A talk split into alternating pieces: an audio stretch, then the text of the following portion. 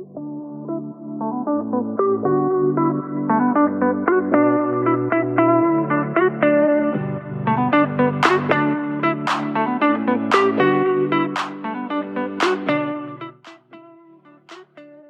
is iets waar ik dagelijks wel met een klant of ondernemer over praat. Tijdens het coachen komt het ook echt regelmatig voor, maar ook tijdens strategie-sessies. En het uitzicht vaak in uitstelgedrag of heel afwachtend zijn. Dat komt ook vaak voor. En niet de juiste stap in het juiste tempo kunnen zetten. En dat is zo ontzettend zonde. Maar veel ondernemers, ook veel andere mensen hoor, maar laat ik het nu even betrekken op ondernemers. Veel ondernemers denken dat ze perfectionistisch zijn. En ik ben er toch echt van overtuigd dat je nooit perfectionistisch bent, maar dat je perfectionistisch doet. Voel dat verschil ook echt maar even. Niemand is namelijk perfectionistisch. Dat ben je gewoon niet. Het is iets wat jij jezelf hebt aangeleerd. En je wil het altijd beter doen. Hè? Beter dan een ander of gewoon op zijn allerbest. Dus dat het niet nog beter kan. En dat praat je jezelf aan. Jij doet het, dus je bent het niet. En die switch mag je echt al gaan maken. Want als je deze aflevering nu luistert, dan betekent het ook dat de titel van deze aflevering jou triggerde dus perfectionisme. En mag jij dit dus ook echt gaan voelen. Jij bent niet perfectionistisch. Niemand is perfectionistisch. Jij doet perfectionistisch. Als je iets bent, dan kun je dat ook heel moeilijk veranderen. Hè? Als je iets bent, dan ben je iets. Maar als je iets doet, dan is het een kwestie van het veranderen van je gedrag of het veranderen van je gedachten. Om dus een verandering aan te brengen in hetgeen wat je doet. En dan is het in één keer veel makkelijker. Zeg ik ook niet hè, dat dat altijd even makkelijk is, want je gedrag veranderen of je gedachten veranderen is echt wel ingewikkeld. Maar het is makkelijker dan als jij zegt: Ik ben perfectionistisch, om het dan te gaan veranderen. Jij doet dus perfectionistisch. En perfectionistisch doen is iets wat jij jezelf dus hebt aangeleerd. Of bijvoorbeeld hebt meegekregen. En ik zie ook wel vaak ik heb bijvoorbeeld wel eens met mijn klanten erover dat je ouders of heel streng waren. Bijvoorbeeld een vader waarbij het nooit goed genoeg was. Of dat een leraar nou, zei dat je nooit wat ging bereiken. En dat verandert zich dan in perfectionisme.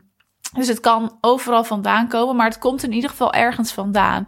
En nu is het op zich helemaal niet zo belangrijk om hè, die kern daar te zoeken. Dus te weten waar het vandaan komt.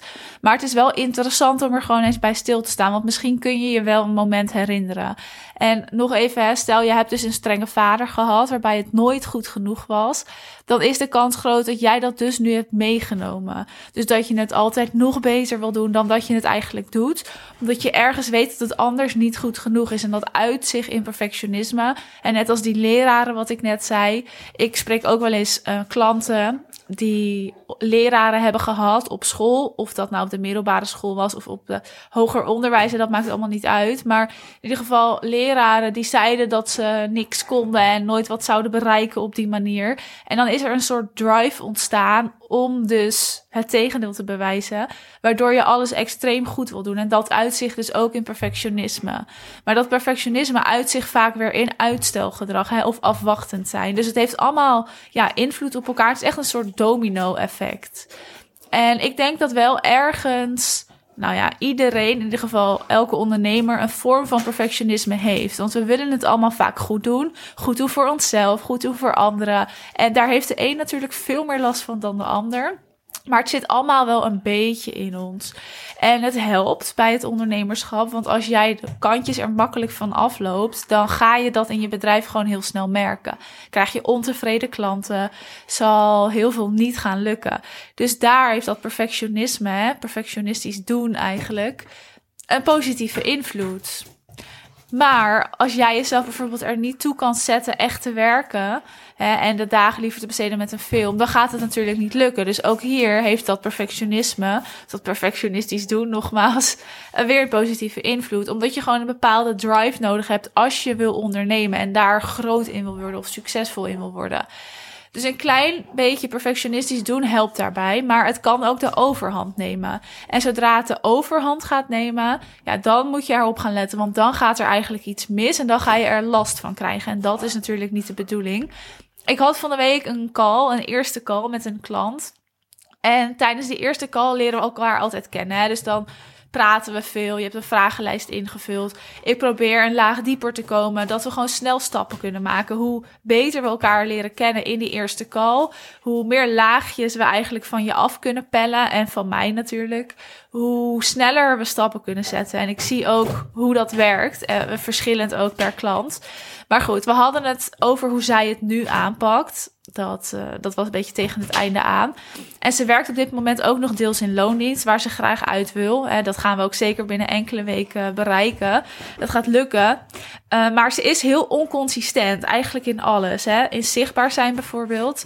Ze heeft enorm veel te delen. En nou ja, beter gezegd, er staan zelfs een stuk of twintig concepten in haar lijst. Allemaal sterk, allemaal goede stukken content, maar ze post het niet. Uh, ze heeft een website waar ze mee bezig is, maar die is niet af en die komt ook maar niet af. Ze is heel veel tegelijk aan het doen. Eigenlijk alles tegelijk en toch lukt er niks. Het ligt natuurlijk aan meerdere dingen. Het ligt ook aan een stukje focus en prioriteiten stellen en nou, de hele mikmak. Maar ik wil het stukje perfectionisme er hier even bij halen. Want Kijk, als zij haar content schrijft, dan is het stuk eigenlijk nooit goed genoeg. Wat er dus in resulteert dat ze niks post. Nergens niet. Hè? Niet op social media, niet op haar website. Ze verstuurt geen mail. Eigenlijk niks. En ze schuift het dus steeds vooruit, omdat ze denkt. Nou, als ik er een dagje of een nachtje over slaap, hè, dus het een dag laat rusten, dan is het morgen wel beter. Of dan heb ik morgen een beter idee. Dat is dus niet het geval.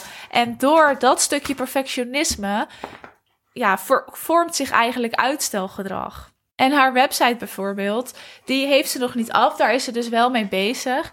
Maar ze heeft nu een landingspagina staan met wat informatie, maar niet waar ze tevreden mee is. We hadden ook kunnen zeggen, je gaat die landingspagina optimaliseren. Daar zet je alles op wat nodig is.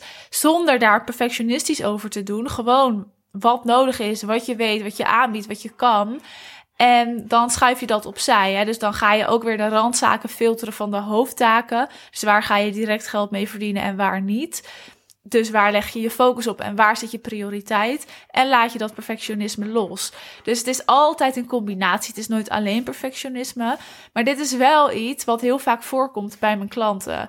En bij jou misschien ook. En nu heb ik het hè, in een extreem geval, omdat er dus eigenlijk niks gebeurt. Maar het is ook heel vaak zo dat er wel heel veel gebeurt. Maar eigenlijk niet hetgeen waarmee je geld kan gaan verdienen. En dat heeft ook te maken met perfectionisme, omdat je dan wel heel veel doet, maar eigenlijk alles doet wat al binnen een soort van je comfortzone ligt, waardoor je niet de stappen zet die nodig zijn om ook echt dat geld te gaan verdienen of je omzet te verhogen of de juiste klanten binnen te halen. En dat houd je ook tegen omdat het soms spannend is of omdat je bang bent dat het misgaat. Dus het is een combinatie, maar het is zo zonde, want dat perfectionisme zit zoveel ondernemers in de weg om echt te kunnen groeien. Goed, ik had het natuurlijk over die klant. Zij weet eigenlijk wat ze moet doen. Hè? Ze is goed in wat ze doet en toch lukt het niet. En dat komt dus echt omdat zij denkt dat het altijd maar beter kan. Hè? Dat er altijd iets is wat ze kan verbeteren. En dan is er dus ook altijd een reden om het uit te stellen. Maar door daaraan toe te geven, ja, ga je die stappen ook niet zetten. En dat is zij echt het levende voorbeeld van. Een goede coach nemen helpt hierbij. En ik vind dat eigenlijk ook de beste tip. Niet omdat ik zelf een coach ben, maar omdat ik weet wat voor verschil dat maakt. Ik heb het ook bij mezelf gezien. Ik werk zelf ook met een coach. En door te werken met een coach heb je gewoon die stok achter de deur. Iemand die even meekijkt, die je op punten wijst, maar ook iemand die je een spiegel voorhoudt. Nou, in de podcast hou ik je soms misschien ook een spiegel voor. Maar in een coaching is dat natuurlijk heel anders en veel persoonlijker en veel effectiever en doelgerichter. En juist dat vind ik zo fijn. En ik heb daardoor mijn bedrijf kunnen laten groeien. Veel sneller en veel op een hè, relaxtere manier eigenlijk dan ik ooit had kunnen doen. En ik zie het ook dagelijks bij mijn klanten. De stappen die zij zetten.